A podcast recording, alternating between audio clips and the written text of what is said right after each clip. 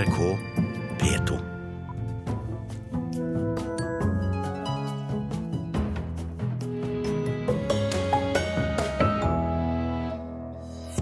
Bergen kunstmuseum vil undersøke hvor mange kopier av Nikolai Astrup-malerier som finnes.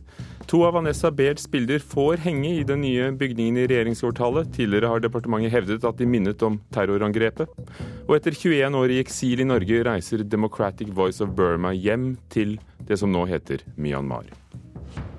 Og her i Kulturnytt i Nyhetsmorgen i NRK skal vi også anmelde regiprisvinneren fra Cannes i år, 'Fremmed ved sjøen', som har premiere på norske kinoer denne uken. I studio, Ugo Fermariello. Det kan være flere kopier av Nikolai Astrup-malerier rundt omkring i samlinger og i markedet. Dattersønnen Nikolai Astrup Gelmeiden sier at han har laget flere kopier i 1946 og 1947.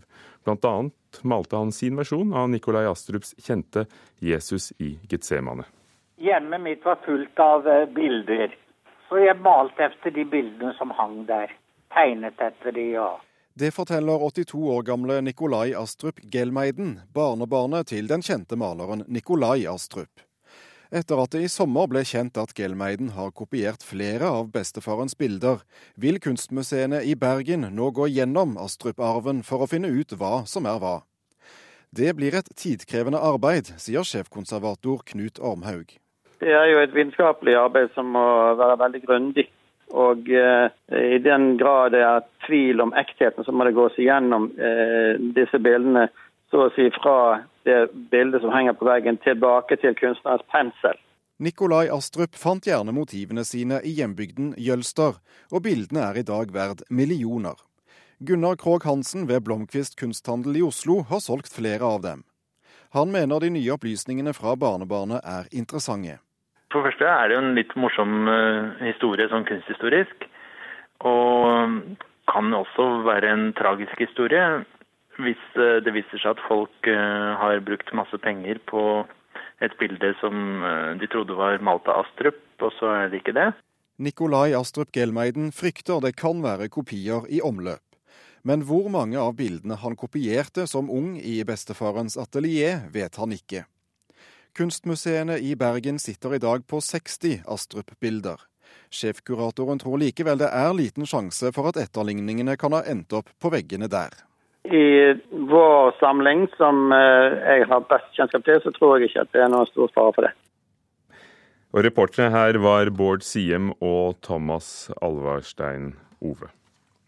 Mona Palle Bjerke, kunstkritiker her i Kulturnytt. Når eksperter ikke engang klarer å se forskjell på malerier, hva sier det om Nikolai Astrup Gelmeidens egenskaper som maler? Ja, det, det, forteller jo at han må ha ganske utpregede kunstneriske evner. Og det som er litt spesielt, er jo at han da helt klart også da har klart å anamme noe av det veldig spesielle, denne veldig spesielle stilen, streken, slik at han har klart å få det til å se ut som ekte Nikolai Astrup-bilder. For han, eh, Nikolai Astrup er jo en veldig spesiell kunstner, som man ikke tenker at man liksom forveksler veldig lett med en annen.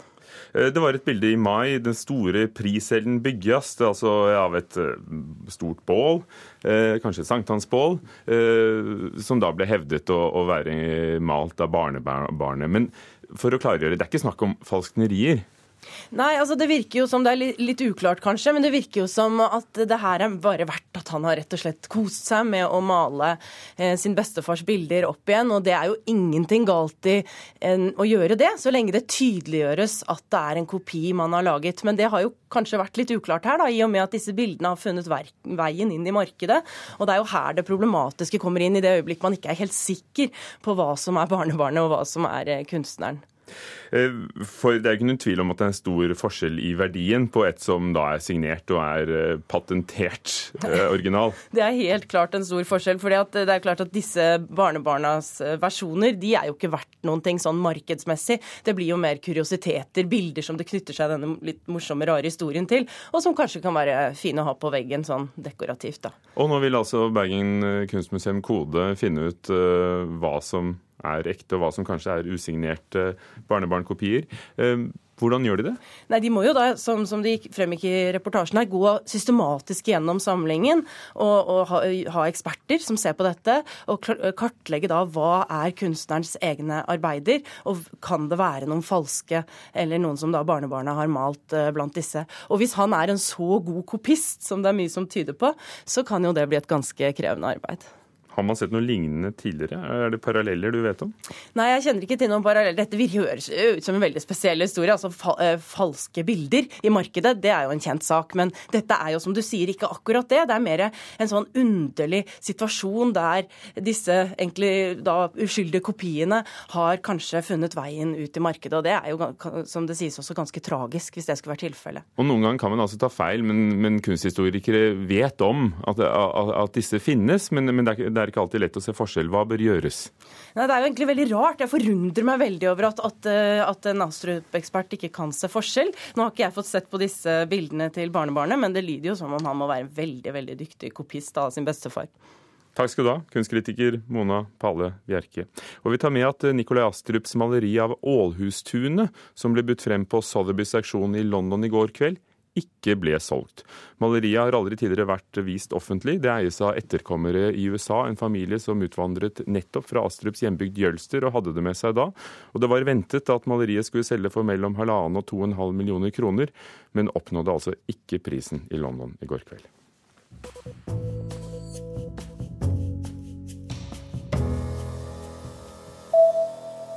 Fransk politi har undersøkt DNA-prøvene av mannen som er tatt for å skyte i en avisredaksjon mandag, og sier prøvene stemmer overens med prøver tatt på åstedet. Det skal også være samme mann som truet ansatte i en TV-stasjon sist fredag. Han ble i 1998 dømt til fire års fengsel for å ha kjøpt pistolen som ble brukt til drapene på tre politimenn og en drosjesjåfør i Paris på 90-tallet. Mannen ble pågrepet i går kveld på en parkeringsplass vest for Paris etter tips fra publikum. En tysk domstol har frifunnet Aftenposten for ærekrenkelser. Direktøren i teknologiselskapet OHB System mistet jobben etter at avisen siterte ham på ufordelaktige uttalelser om EUs GPS-lignende program. Sitatene fant Aftenposten i hemmelige dokumenter offentliggjort av Wikileaks. Dommen i Køllen er den første som tar stilling til medienes ansvar for formidling av innhold fra de såkalte Wikileaks-dokumentene, skriver Aftenposten selv. Og Ikea fjerner en reportasje med et lesbisk par fra sin kundeavis når eh, den publiseres i Russland. Avisen blir sendt ut til møbelkjedens kunder i store deler av Europa. Reportasjen fjernes også fra Ikeas russiske nettsted, skriver svenske Aftonbladet. Det er viktig for oss å være nøytrale når det gjelder politikk og religion, sier presseansvarlig hos Ikea i Sverige.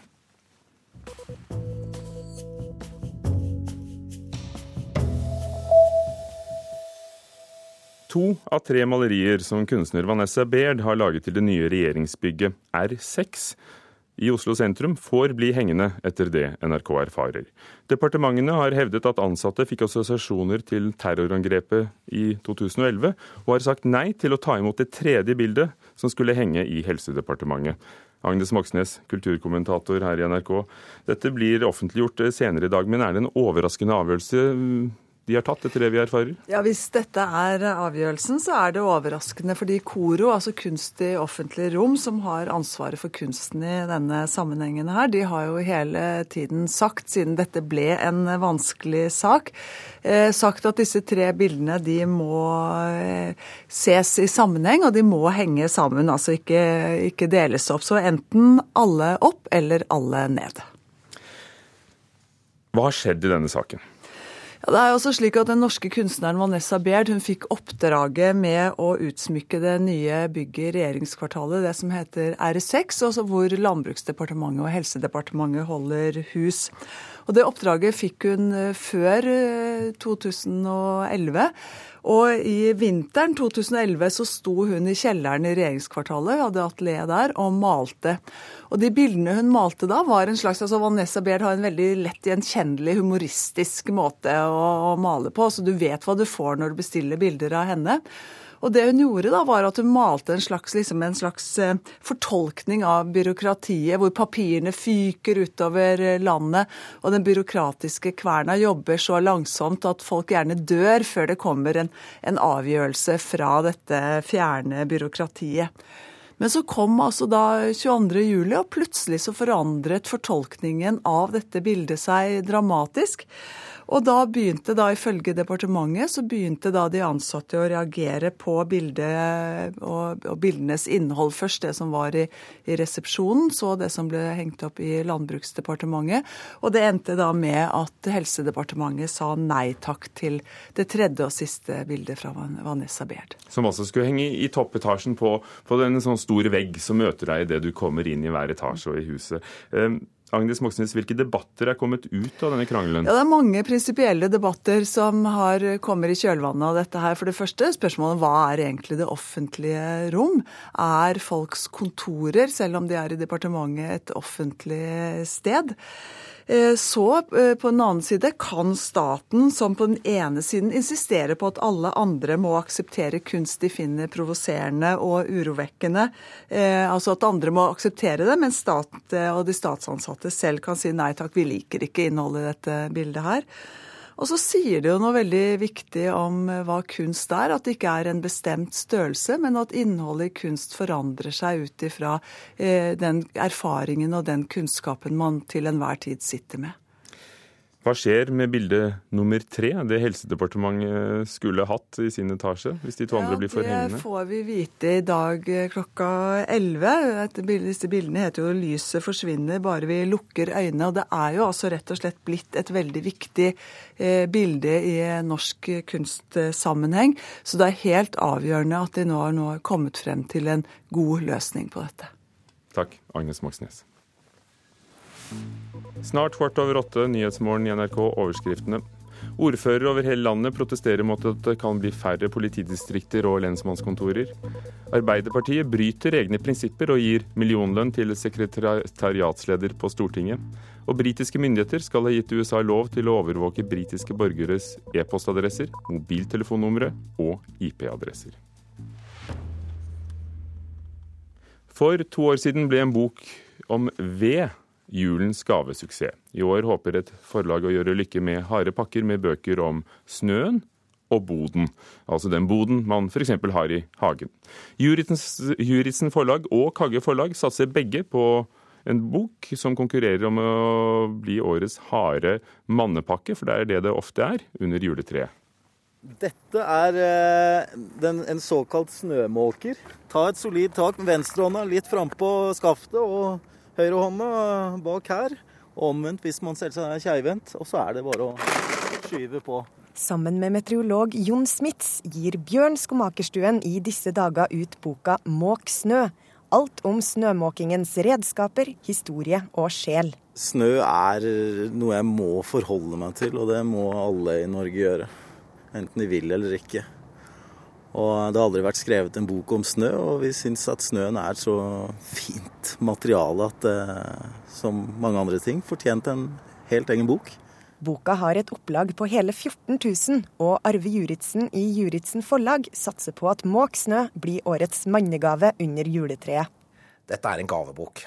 Ikke sant? Hver jul så er det litt vanskelig. Hva skal vi gi til far, bror, onkel, bestefar? Disse mennene som har alt. Sokker og slips begynner å bli kjedelig, og de, de, det er mye mer glede i en bok. Så vi ser jo at hver eneste jul så er det en um, bok for menn som ligger på topplista. Hel Ved gjorde det, Jon Michelet gjør det, og i år så blir det Moxnø. For Juritzen legger ikke skjul på hva som er ambisjonene.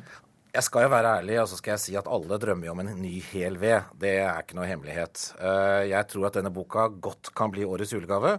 Så vi har trykka opp hauger og lass, og bøkene er i butikk. Og nå er det bare for snømåkerne å, å finne boka, eller alle de som kjenner en snømåker.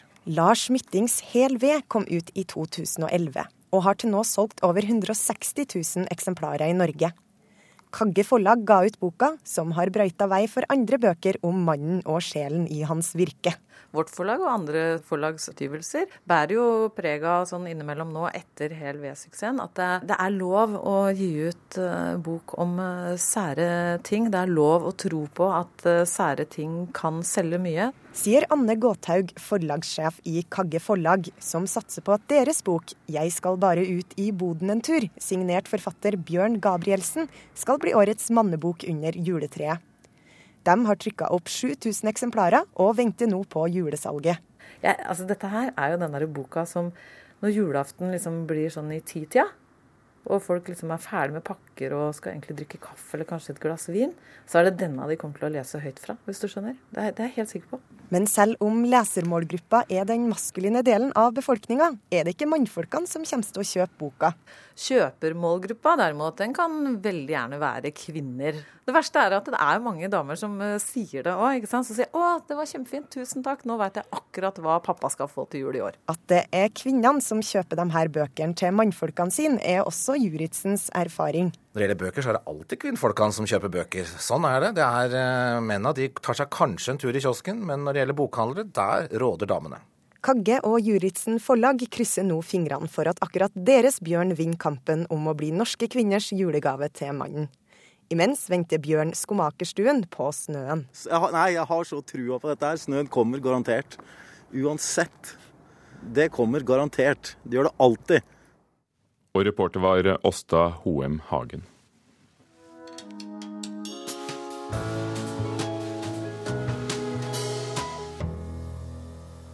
Filmen 'Fremmed ved sjøen' har premiere denne helgen. Den franske filmen vant blant andre priser, den for beste regi i Cannes-festivalen i år. Det er en sterk og drøy film som sitter lenge på sinnet til vår anmelder Einar Gullvåg Staalesen. 'Fremmed ved sjøen' er en mørk film om homsers gleder. Den ene har også legning for å drepe.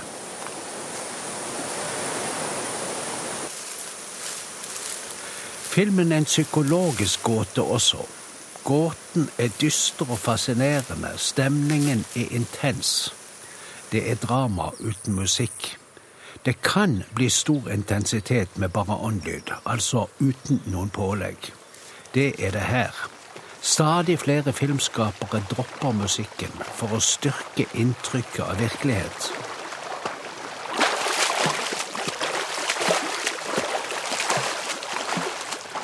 Handlingen er monoton.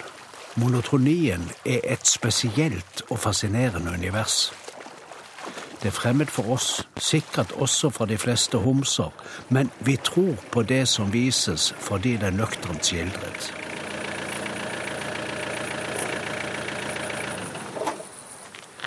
De kommer i hver sin bil, og de kjenner hverandres biler. Så vet de altså straks hvem det kan bli i dag.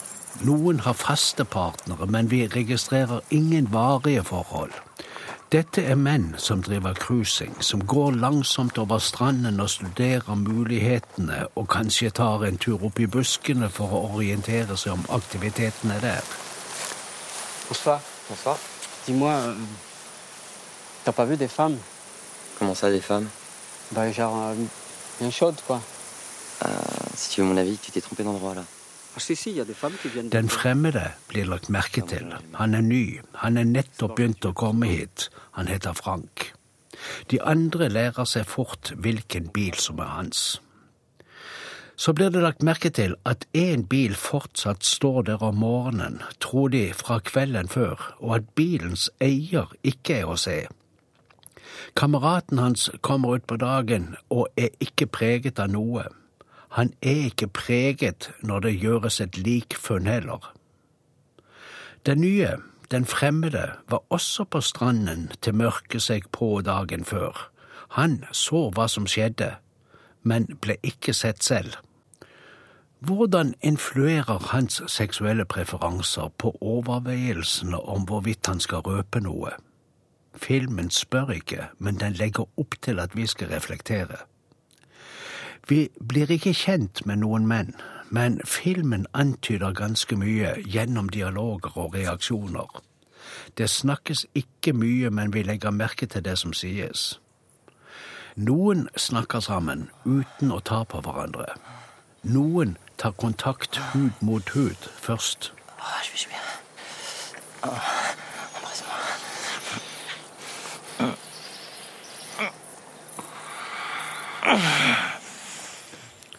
Det er veldig nakent og usminket. Det er glimrende fortalt. Det er godt spill.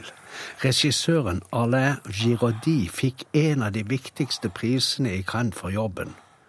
Den hedersbevisningen forstår jeg. Einar Gullvåg Staalesen om Kallen-prisvinner 'Fremmed ved sjøen', som har kinopremiere denne uken. Og denne uken er det også premiere i Norge på filmen om Julian Assange, mannen bak Wikileaks, Den femte statsmakt. Og den anmelder han i Mørkets opplevelser i kveld klokken 19 i P2. Etter 21 år i eksil reiser Democratic Voice of Burma endelig hjem. Siden 1992 har Norge huset radiostasjonen, som så også er blitt en eh, TV-stasjon. Men den positive utviklingen i Myanmar, som Burma heter offisielt i dag, fører til at mediehuset nå kan etablere seg i hjemlandet. Og styreleder i Democratic Voice of Burma, Harald Bøckmann, hva er det som har gjort at kanalen nå har eh, pakket de siste kartongene og, og, og reist til Burma? Ja, Det er at uh, de politiske endringene i Burma har gjort det mulig at uh, det er blitt mye mer rom og lov for forskjellige ytringer. Nå er ikke alle lover og regler på plass ennå, men iallfall siden eh, 2012 så har de opprettet virksomhet inne i Burma. Så det er en gammel drøm da, som er, i ferd med å oppfylles. Samtidig så ligger hovedkontoret i Chiang Mai i Nord-Thailand. Er det for tidlig å flytte det hjem til Myanmar? Ja, altså vi har flyttet av hovedkontoret gradvis fra Oslo til Chiang Mai i Nord-Thailand. Og det er nettopp det. altså Vi regner med at uh, vi må se det an par-tre år, kanskje. At det fremdeles vil være i Nord-Thailand. Men det bygges opp i Burma. Nå har de nettopp leid en, en leiegård og etablerer et studio. Uh, de kan produsere i Burma, men de kan fremdeles ikke sende. Så sendingene skjer fra Nord-Thailand. Fram til i sommer har det skjedd, gjennom Oslo, en server her, men nå skjer alt gjennom Nord-Thailand. Dette skjer på TV, på nett, på kortbølge fremdeles? Ja. Hvem lytter? På landsbygda er det jo radio, eh, og der kan hvem som helst lytte, kan du si, og det er viktig. Men samtidig er det en tre-fire andre vestlige sendere, BBC f.eks., Voice of America, som sender radio. Men DVB er da den eneste som sender TV, og er en TV-kanal, en fri TV-kanal. Og siden den ble oppretta i 2005, så har den hatt en enorm innvirkning etter hvert. Det skjønner vi etter hvert som vi begynner å snakke med folk i Burma. Hvilken rolle tror du først radiosendingene, så TV-sendingene har betydd for omveltningene i Myanmar? Ja, det, altså det, Man skal kanskje ikke sette seg på sin høye hest, men altså etter hvert som vi snakker med altså tidligere regimefolk også, så sier de at dere skulle bare visst hvor viktig denne var, for at vi skulle egentlig øh, forstå hvordan det reelle forholdene i landet vårt var. Altså, Den tror jeg har bidratt til at regimet har kommet på andre tanker, og da iverksatt denne politiske endringen som er i ferd å skje nå i Burma. Hva var årsaken til at uh, dette kom i stand i 1992 i Norge? Det var den daværende eksilmiljøene som henvendte seg til uh, uh, UD eh, gamle Stoltenberg og Jan Egeland eh, og anmodet dem om å få hjelp til å opprette en kortbølgesender i jungelen i grenseområdene. Og da sa gamle Arne Fjørtoft, som vel også har en fortid her, at han sa nei, det går ikke, for dere kommer til å bli bomba i stykker med en gang. Dere må ha en kortbølgesender. Og den fant de på Kvitsøy. Og Det var den sterkeste kortbølgesenderen i Norden. Så 19.07.1992 begynte de første sendinger fra Kvitsøy til Burma. Vi har jo ofte hørt om eh, Democratic Voice of Burma og hatt reportasjer fra lokalene i Oslo. Eh, og Det er vel noe Norge har likt å smykke seg med, men har oppholdet i Norge bare vært en solskinnshistorie? Altså, vi har slitt veldig med å, at de skal få uh, rimelig gode arbeidsforhold. Også journalister er jo reisende folk, ikke sant. Og det har tatt lang tid for å få uh, varig opphold, og også da etter hvert statsborgerskap. Det har vi slitt med opp gjennom åra. Men her var det vel også tanken at de skulle reise tilbake etter bare noen få år. Man trodde at utviklinga i Burma ville skje så fort, så gjorde den ikke det. Så dette har da vart og, og rukket. Uh, men, uh, men det, det, har vi faktisk slitt en del med også. Hvor fritt er det i Burma nå for journalistene som eh, jobber der? Altså der, eh, Vi har hatt eh, tilfeller senere at folk har blitt arrestert eller anklagd. Men det er også nå er det et mer åpent medielandskap. Nå er det større konkurranse. Nå er det en god del som ikke liker at den gjøkungen kommer tilbake. er Blant de etablerte mediefolkene som er da knyttet til regimet. Så det er, på papir er det fritt, men i praksis så er det mye utfordringer. Denne gode nyheten markeres markeres med en konferanse i dag hos eh, Fritt Ord i Oslo. Mm. Kanalen er flyttet det siste, men hva har eh, Fritt Ord betydd, og hva, hva skal dere gjøre i dag? For det første er det en, et slags ordentlig seminar der man skal finne ut hva, hva er det man har lært, og hvordan skal man bringe dette videre. Og vi har også folk fra andre eksilmiljøer som kommer inn, fra Afrika, fra Øst-Europa. Og så skal vi ha en heidundrende sånn mottagelse i kveld. Og det skal være deres, det skal være radioens takk til eh, Norge og, og folk i Norge. Liger, så, ja. og, så dette, dette, kommer til å kan du si, bli en veldig emosjonell eh, kan du si, forestilling, fordi for mange av dem har jo gitt over 20 år av sitt liv for dette. Landet har eh, offisielt skiftet navn til Myanmar, men jeg legger merke til at eh, Democratic Voice of Burma fortsatt heter nettopp uh, det. demokratiske stemmen i Burma. Ligger det et politisk signal at man ikke skifter navn på stasjonen? Nei, det er det. De, man kan ikke hete Democratic Voice of Burma i Burma. Fordi Men, det er det ikke lov til? Nei, altså Det er Democratic, og så er det Burma. Det er liksom det er gårsdagen. For det heter Myanmar. Det må dere lære dere i NRK også. Ja, Vi sier Myanmar, men du sier Burma, legger jeg merke til. Jeg sier Myanmar, ikke, ikke, ikke Myanmar. Men eh, de har fått lov til å registrere seg som DVB uh, Media Group. Så DVB som akronym, for det er blitt et merkevare i Burma. Og det har de fått lov til å beholde. Men de fikk ikke lov til å kalle seg Burma, altså? De kunne, men det ville være, eh, kan du si, ris til egen bak. Takk skal du ha, Harald Bøckmann, styreleder i Democratic Voice of Burma, som nå flytter tilbake til Myanmar. Kulturnytt var ved Hanne Lunås teknisk ansvarlig, Vidar Sem eh, produsent, Ugo Fermariello programleder. I dag har vi hørt at Bergen kunstmuseum vil undersøke hvor mange kopier som finnes av Nikolai Astrup-bilder, og at to av Vanessa Behrs bilder får henge i den nye bygningen i regjeringskvartalet.